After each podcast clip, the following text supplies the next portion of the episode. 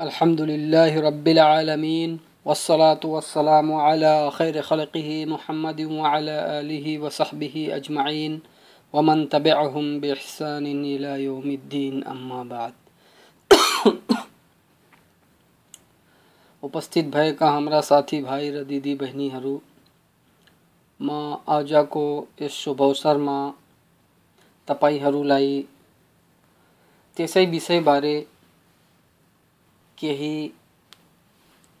आवश्यक ज्ञानवर्धक कुराहरू बताउनेछु जुन म तपाईँहरू समक्ष पहिलादेखि नै निरन्तर वर्णन गरिरहेको छु। अल्लाहसित बिन्ती छ कि अल्लाह हामी सबैलाई सत्य भन्ने र सत्य बमोजिम कार्यरत रहने सुअवसर प्रदान गरौँ आजको पहिलो विषय हो, जसमा मान्छेहरू गडबडी गर्छन् र जसलाई मान्छेहरू वैधानिक ठानेर वा त्यसमा सुस्ती गरेर, त्यस अवैधानिक कार्यलाई गरिहाल्छन्। जसमध्ये नमाजमा अनावश्यक हिलडुल हो।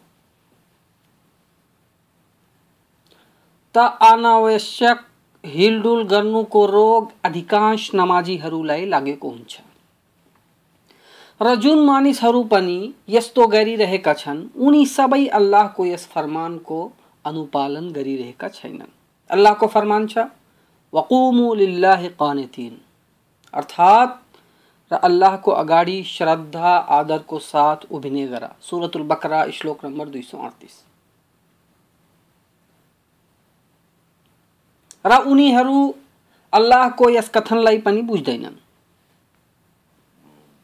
अल्लाहको फरमान छ, कद अफलहल मुमिनुन अल्लदीन हुम फ़ी सलातिहिम खाशिउन अर्थात् निसन्देह इमानवालाहरू सफल भइहाले जसले आफ्नो नमाजमा विनम्रता अपनाउँछन् सुरतुल मोमिनुन, श्लोक नम्बर एक र दुई।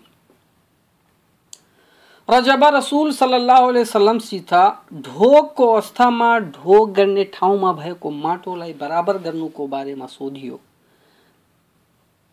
त उहाँ सल्लाह वसलमले भन्नुभयो, ला तमसह व अन्त तुसल्ली फ़ैन कुन्त ला बुद्ध फाइलन फवाहिदतन अर्थात् यदि नमाजको अवस्थामा त्यसलाई हटाउनु नै छ नमाजको अवस्थामा त्यसलाई नहटाऊ त्यसलाई नगर अर्थात् त्यसलाई नहटाऊ र यदि त्यस्तो गर्नु आवश्यक नै होस् भने एकचोटि ससाना ढुङ्गालाई हटाउन सक्छौ। अर्थात् यदि मान्छे नमाज़ पढिरहेको छ र त्यसको ढोक गर्ने ठाउँ बराबर छैन वा त्यसमा ससाना ढुङ्गाहरू छन् भने रसुल सल्लमको यस फरमान बमोजिम एकचोटि त्यसलाई हटाउन सक्छ। यस हदिसलाई अबु दाउदले वर्णन गर्नुभएको छ। भाग एक, पेज नम्बर पाँच सौ एक्कासी र यसलाई सहिउल जामेमा पनि हदिस नम्बर सात हज़ार चार सौ बावनमा वर्णन गरिएको छ। अर्थात् यो हदिस सही छ। र विधहरूको भनाइ छ कि नमाजमा आन आवश्यक हिलडुल गर्नु नमाजलाई भङ्ग गरिदिन्छ कसरी मान्छेहरू आफ्नो नमाजमा अल्लाहको अगाडि उभेर पनि कोही आफ्नो घडीलाई हेर्छ, त कोही आफ्नो लुगा दुरुस्त गर्छ, त कोही आफ्नो औलालाई नाकमा हाल्छ त कोही दायाँ बायाँ र आकाशतर्फ हेर्छ। र त्यो डर मान्दैन कि त्यसलाई अन्धो बनाइयोस् वा शैतान त्यसको नमाजबाट आफ्नो अंश नचोरोस्। यसले गर्दा हे भाइहरू नमाजमा अनावश्यक हिलडुल नगर्नु किनकि यो अवैधानिक कार्य हो र यसबाट तपाईँको नमाज़ पनि भङ्ग हुन सक्छ र यस्तै ती अनावश्यक कार्यहरूमध्ये ती अवैधानिक कार्यहरूमध्ये जसलाई मानिसहरू वैधानिक ठानेर गर्दछन् तीमध्ये जानी बुझिकन नमाजमा मुक्तदीले इमाम भन्दा जल्दबाजी र हतार गर्नु पनि हो। किनकि मानव प्राकृतिक तौरले हतार गर्नेवाला जल्दबाज हुन्छ जस्तो कि अल्लाह को फरमान छ, वकानल इन्सानो अजुला। र मान्छे छँदैछ हतार गर्नेवाला पराडी, सुरतुल इशरा, श्लोक नंबर ग्यारह। रसूल सल्लल्लाहु अलैहि वसल्लम को फरमान, छ अत्तअन्नी मिनल्लाह वल अजलतु मिन शैतान। कि भद्रता अल्लाहको तर्फबाट र हतार शैतानको तर्फबाट हो। यसलाई बैहकीले सुनरुल कुबरामा वर्णन गर्नुभएको छ, भाग नम्बर दस, पेज नम्बर एक सौ चार। र यो हदिस सिलसिलतु सहिहामा पनि, वर्णित छ। हदिस नम्बर एक हज़ार सात सौ उनासाठी। अर्थात यो हदिस सही छ। र अधिकांश नमाजहरूमा मान्छे आफू दायाँ बायाँ भएका मान्छेहरूलाई वा स्वयं आफैलाई हेर्छ कि कहिले काहीँ इमाम भन्दा अगाडि नै रुकु अथवा ढोक गरिहाल्छ। र यस्तै तकबिरहरूमा पनि, यहाँसम्म कि सलाम फेर्नुमा पनि इमाम भन्दा हतार गरिहाल्छ। र यस्तो गर्नुलाई मान्छेहरू कुनै दोष मान्दैनन्। तर यस्तो गर्ने मान्छेहरूलाई रसुल सल्लाह सल्लमले सख्त चेतावनी दिएका छन्। जस्तो कि रसुल सल्लमको फरमान छ, के त्यो मान्छे यस कुराबाट डर मान्दैन जुन इमाम भन्दा अगाडि नै आफ्नो टाउको उठाइहाल्छ, कि त्यसको टाउकोलाई अल्लाह गदहाको टाउकोमा परिणत गरिदियोस्? यस हदिसलाई मुस्लिमले भाग एक, पेज नम्बर तिन सौ बिस र तिन सौ एक्काइसमा वर्णन गरेका छन्। र कुरा यस्तो छ कि नमाजीलाई यो आदेश छ कि नमाजको लागि शान्ति, सद्भाव र विनम्रताको साथ आओस्, त नमाज़ भित्रका अनिवार्य क्रियाकलापको के हुकुम हुन्छ र? आफै विचार गर्नुहोस्। र कतिपय मानिसहरू इमाम भन्दा अघि र पछि गर्दै गर्छन्, त यस्ता मानिसहरूका यी क्रियाकलापहरूको लागि वृद्धहरूले एउटा विधि बनाएका छन्।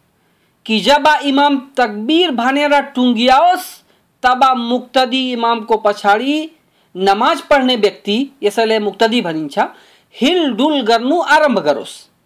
अर्थात् जब अल्लाह अकबरको रा शब्द रा अक्षर इमाम भनिसकोस् त मुक्तदी गतिशील होस्। त यसभन्दा न त हतार गरोस्, न त विलम्ब नै गरोस्।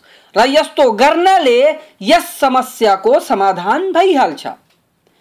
रसुल सल्लल्लाहु अलैहि वसल्लमका साथीहरू उहाँ सल्लल्लाहु अलैहि वसल्लम भन्दा उहाँ सल्लल्लाहु अलैहि वसल्लम भन्दा हतार गर्ने कुरामा अति सावधानी अपनाउँथे हज़रत बरा बिन आजिबको वर्णन छ कि उनीहरू अर्थात् सहाबाहरू रसुल सल्लल्लाहु अलैहि वसल्लमको पछाडि नमाज़ पढ्थे त रसुल सल्लल्लाहु अलैहि वसल्लम रुकुबाट उठ्थे त हामी मध्ये कोही रसूल सल्लल्लाहु अलैहि वसल्लम को पिठ्यू लाई झुकावने करम लाई। वसल्लमको पिठ्युलाई झुकाउने क्रमलाई अर्थात् रसुल सल्लाह वसल्लमको पिठ्युलाई झुकाउने क्रमलाई हेर्न सक्दैन थियो। यहाँसम्म कि उहाँ सल्लल्लाहु अलैहि वसल्लम ढोगमा आफ्नो निधारलाई धरतीमा राखिदिन्थे अनि उनी पश्चात सबै ढोग गर्थे। यस हदिसलाई मुस्लिमले वर्णन गरेका छन्। हदिस चार सौ चौहत्तरमा।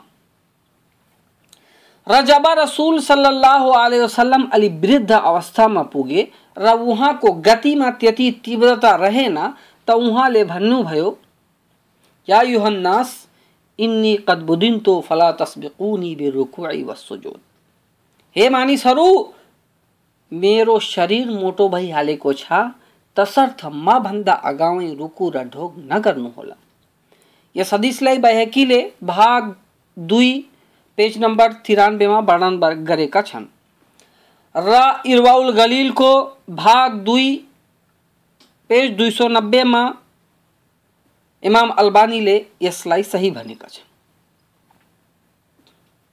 र यो अनिवार्य कि त्यो तकबीर भन्दा सुन्नत बमोजिम कार्य गरोस्, जस्तो कि यसको व्याख्या अबु हुरैराको यस वर्णित हदिसमा छ।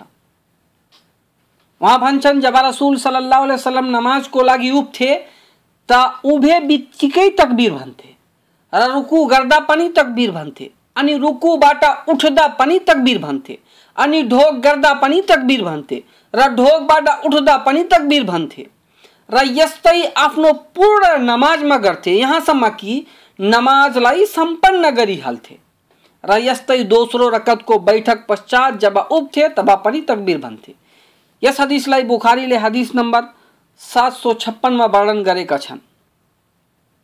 तजब इमाम आफ्नो गतिको साथ तकबीर भन्छ र मुक्तदीहरू त्यसमा त्यसको अनुसरण गर्नुमा प्रतिबद्धता देखाउँछन् त सबैको सामूहिक नमाज़ शुद्ध भइहाल्छ।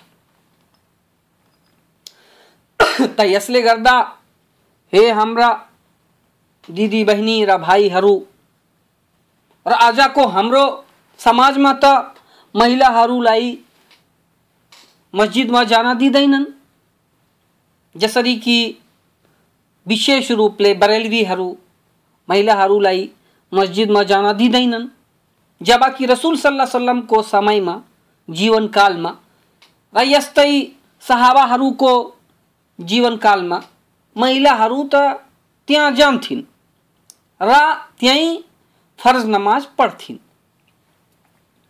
जे पनि होस्, आज मस्जिदमा जान दिँदैनन् तर आज पनि हाम्रो विधान यो भन्छ इस्लामीय विधान यो भन्छ कि महिला मस्जिदमा गएर फ़र्ज़ नमाज़ पढ्न सक्छ।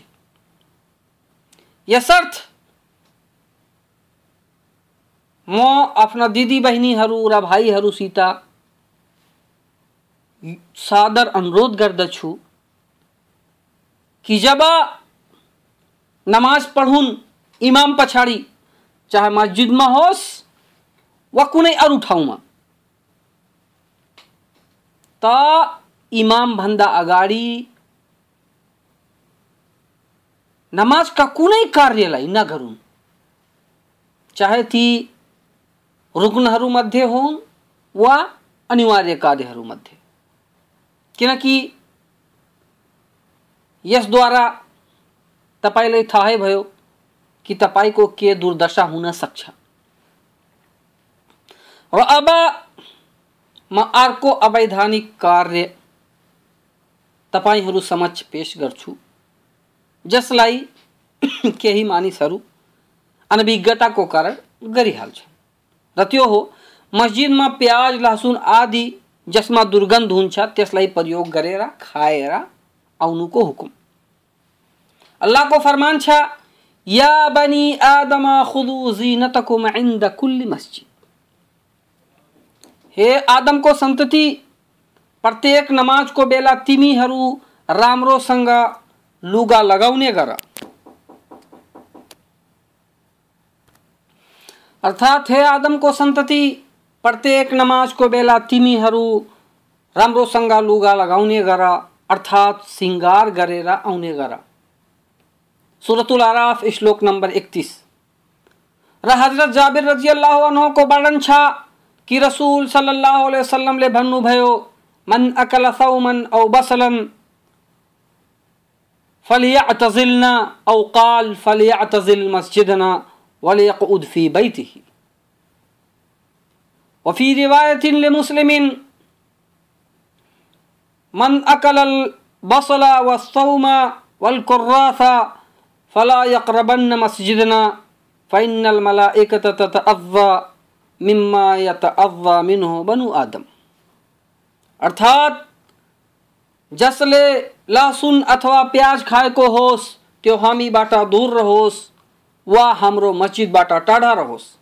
र आफ्नो घरमै बसिराखोस् र मुस्लिमको हदिसमा छ, जसले मूला, प्याज र लहसुन खाएको होस्, त्यो हाम्रो मस्जिद निकट नआओस् किनकि स्वर्गदूत, अर्थात् फरिस्टाहरूलाई पनि त्यसैबाट कष्ट पुग्दछ जसबाट मानवहरूलाई कष्ट पुग्दछ बुखारी, फतहुल बारीको साथ भाग दुई, पेज नंबर तीन सौ उनचालीस, र मुस्लिम, भाग एक, पेज नंबर तीन सौ पंचानब्बे र उमर बिन खत्ताब रज़ी अल्लाह अनहोले खुतबा दिँदै भन्नुभयो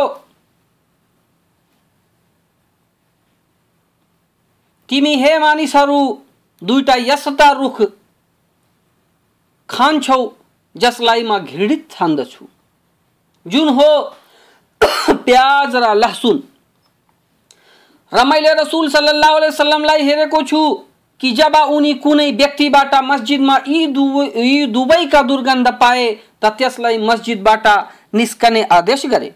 अनि त्यो बकीतिर गयो, यसर्थ जसलाई, यसलाई खानु नै छ, त्यो यसलाई पकाएर खाओस्।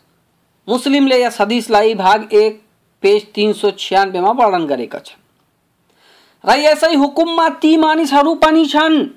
जुन परिश्रम गरे पश्चात स्वच्छ नभइकन मस्जिदमा प्रवेश गर्छन्। अनि उनीहरूको शरीरबाट बास र दुर्गन्ध आउँछ। दुर्गन्ध आउँछ। र यस्ता खालका मान्छेहरूमध्ये ती मानिसहरू अति घृणित छन्, जुन धूम्रपान गरेर मस्जिदमा प्रवेश गर्छन्। अनि नमाज़ पढ्ने अल्लाहका भक्तहरू र फरिस्टाहरूलाई दुःख र कष्ट दिन्छन्। त हे हाम्रा भाइहरू, विशेष रूपले मुला लसुन र प्याज खाएर मस्जिदमा नआउनुहोला। यदि खानु छ भने त्यसलाई पकाएर खानुहोस् त्यसको दुर्गन्ध मरिहाल्छ। यस्तै कतिपय हाम्रा मुस्लिम दाजुभाइहरू सिगरेट पिएर, धुम्रपान गरेर, मस्जिदमा आउँछन् र उनीहरूको मुखबाट दुर्गन्ध आउँछ, जसले उनको छेउमा भएको नमाजीलाई कष्ट पुग्छ। जुन कि इस्लाम विरोधी कार्य हो, पहिला त सिगरेट पिउनु हराम छ, सिगरेट धुम्रपान गर्नु हराम छ। दोस्रो, त्यसलाई खाए पश्चात मस्जिदमा आउनु, डबल हराम छ। यसले गर्दा म आफ्ना दाजुभाइहरूसित यो अनुरोध गर्दछु कि यस्ता खालका गतिविधिहरूलाई त्यागिदिउन् र रसुल सल्लाह आलि वसल्लमले वर्णन गरेको पद्धतितिर लागुन्। सायद कदाचित महान अल्लाह हामी सबैलाई स्वर्ग प्रदान गरून् र ती अवैधानिक कार्यहरू, जसलाई अधिकांश मानिसहरू गर्हरीय ठानेका छन्, त्यसमध्ये व्यभिचार पनि हो। जब इस्लामीय विधानको मूल उद्देश्य मध्ये इज़्ज़त र मान मर्यादा एवं सम्मान र वंशको रक्षा पनि हो त यसै कारण इस्लामले व्यभिचारलाई वर्जित गरिदिएको छ। जस्तो कि अल्लाहको फरमान छ, वला तकरबु इन्नहु कान फाहिशतम वसा सबीला। अर्थात, खबरदार व्यभिचारतिर कदापि नलाग्नु किनभने त्यो ठुलो, निर्लज्जता र धेरै नराम्रो बाटो हो। सुरतुल इसरा, श्लोक नम्बर बत्तिस। बरु इस्लामीय विधानले ती समस्त माध्यमहरूलाई बंद गरिदिएको छ, जसको माध्यमले यससम्म पुग्न सकिन्छ। अर्थात् व्यभिचारसम्म पुग्न सकिन्छ। यसर्थ पर्दा गर्ने आदेश गर्यो र दृष्टिलाई तल राख्ने आदेश गर्यो र अपरिचित युवतीहरूसँग एकान्तमा जानुबाट रोक्यो। र यसभन्दा अधिक धेरै थुप्रै हुकुमहरू र निर्देशनहरू छन्, जुन यसलाई रोक्ने कारगर छन्। र इस्लाममा विवाहित व्यभिचारीको लागि निकृष्टम दण्ड तोकिएको छ, र त्यो हो ढुङ्गाले हानी हानी त्यसको वध गरिदिनु, ताकि त्यो आफ्नो दोषको परिपूर्ण मज्जा चाखोस्।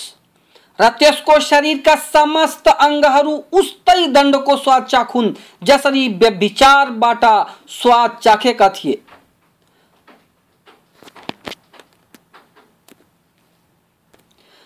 र अविवाहित व्यभिचारीलाई इस्लामले तोकेको सबैभन्दा अधिकतम कोर्रा हानिन्छ र त्यसको सङ्ख्या हो सौ कोरा त्यस अवहेलनाको साथै जुन त्यसलाई एक वर्षको लागि देश निकाला गरे पश्चात सबै मानिसहरूद्वारा मिल्छ।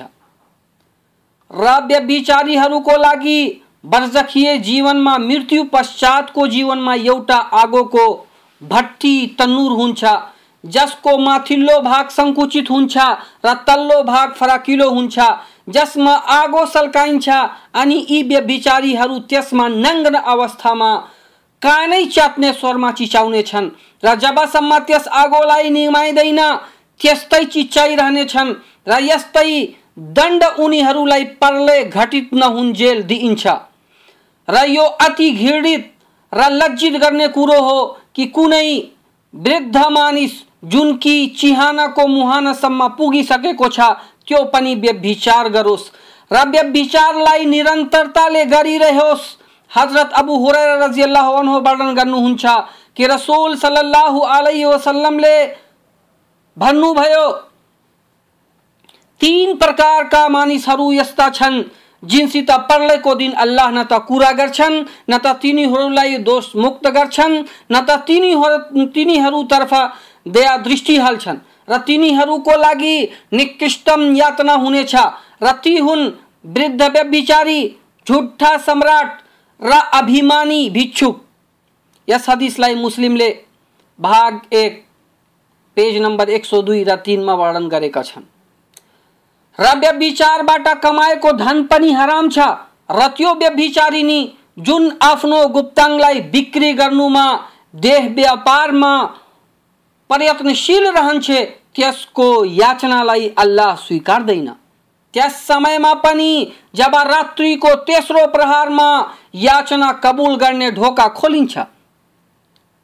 यस अर्थलाई स्पष्ट गर्ने हदिस सहीहुल जामे को हदीस नंबर दुई हज़ार नौ सौ इकहत्तरमा छ। यसर्थ भुकमरी गरिबी आदि कुनै अवस्थामा पनि कुनै यस्तो वैधानिक कारण होइन। कि त्यसको कारण अल्लाहले निर्धारित गरेका सीमाहरूको अतिक्रमण गरियोस्। र विगतमा भनिन्थ्यो कि एउटी स्वतन्त्र महिला भोकै मरिहालोस्, तर आफ्नो स्तनको दुध बिक्री नगरोस्। अर्थात् कसैको बच्चालाई परिश्रमिक लिएर दुध नखुवाओस्। त आफै विचार गर्नुहोस् कि व्यभिचार गरेर कमाई गर्नुको के अवस्था हुन्छ? तर वर्तमान कालमा व्यभिचारतिर आकर्षित गर्ने ढोगाहरूलाई खोलियो। र शैतानले स्वयंको छलले। र आफ्ना मित्रहरूको माध्यमले समस्त दोषी पापी र वासना पुजारीहरूको लागि यसको मार्ग सुसार्थ गरिदियो जसले निर्लजता र निवस्त्रता सामान्य कुरो भयो। र दृष्टिलाई त्यस्तै चकचकाउँदा छाडियो। र महिला पुरुष एक अर्कासँग समागम भए र अश्लील पत्रिका, र चलचित्रहरू प्रचलित भए र दोषी व्यभिचारीहरूको देशहरूतिर भ्रमण गर्न थालियो, र व्यभिचार बलात्कार एवं दुराचार, र दुष्कर्मको बजार तातियो, र इज़्ज़त सम्मानमाथि अतिक्रमण गर्न थालियो, र हरामी शिशुहरूको अभिवृद्धि भयो, र गर्भमै शिशुलाई मार्न थालियो, तसर्थ हे अल्लाह हामी याचना गर्दछौँ कि हामीलाई आफ्नो कृपा र दयाबाट अश्लीलता र कुकर्मबाट सुरक्षा प्रदान गर। र हामी याचना गर्दछौँ कि हाम्रा हृदयहरूलाई यस कुकम कुकर्मबाट पवित्र गरिदेऊ र हाम्रा गुप्ताङ्गहरूलाई यसबाट सुरक्षित गरिदेऊ र हामी एवं कुकर्मीहरू बिच आवरण हालिदेऊ जुन हामीलाई त्यसबाट टाढा गरिदियोस्। ताहे हाम्रा साथीभाइहरू हे हाम्रा सज्जनबिन्दहरू आज म यतिमा नै आफ्नो कुरो टुङ्ग्याउँछु मेरो तपाईँहरूसित यो अनुरोध छ कि जति कुरा मैले अहिलेसम्म वर्णन गरेको छु, त्यसमा ध्यान दिनुहोला र त्यसबाट बाँच्ने प्रयास गर्नुहोला र यसको साथै म अल्लाहसित यो याचना गर्दछु, यो बिन्ती गर्दछु कि हे अल्लाह हामी सबै मुसलमानहरूलाई सत्य पथमा लगाइदेऊ र हामी सबैहरूलाई आफ्नो रसुल सल्लाह अलैहि वसल्लमको पद्धतिमा लगाइदेऊ र हामीहरूलाई त्यो सुअवसर प्रदान गर, जसद्वारा हामी इस्लामका निर्देशनहरूलाई बुझेर त्यसमा कार्यरत हौँ र हामीहरूलाई आफ्नो कृपाले स्वर्गमा स्थान प्रदान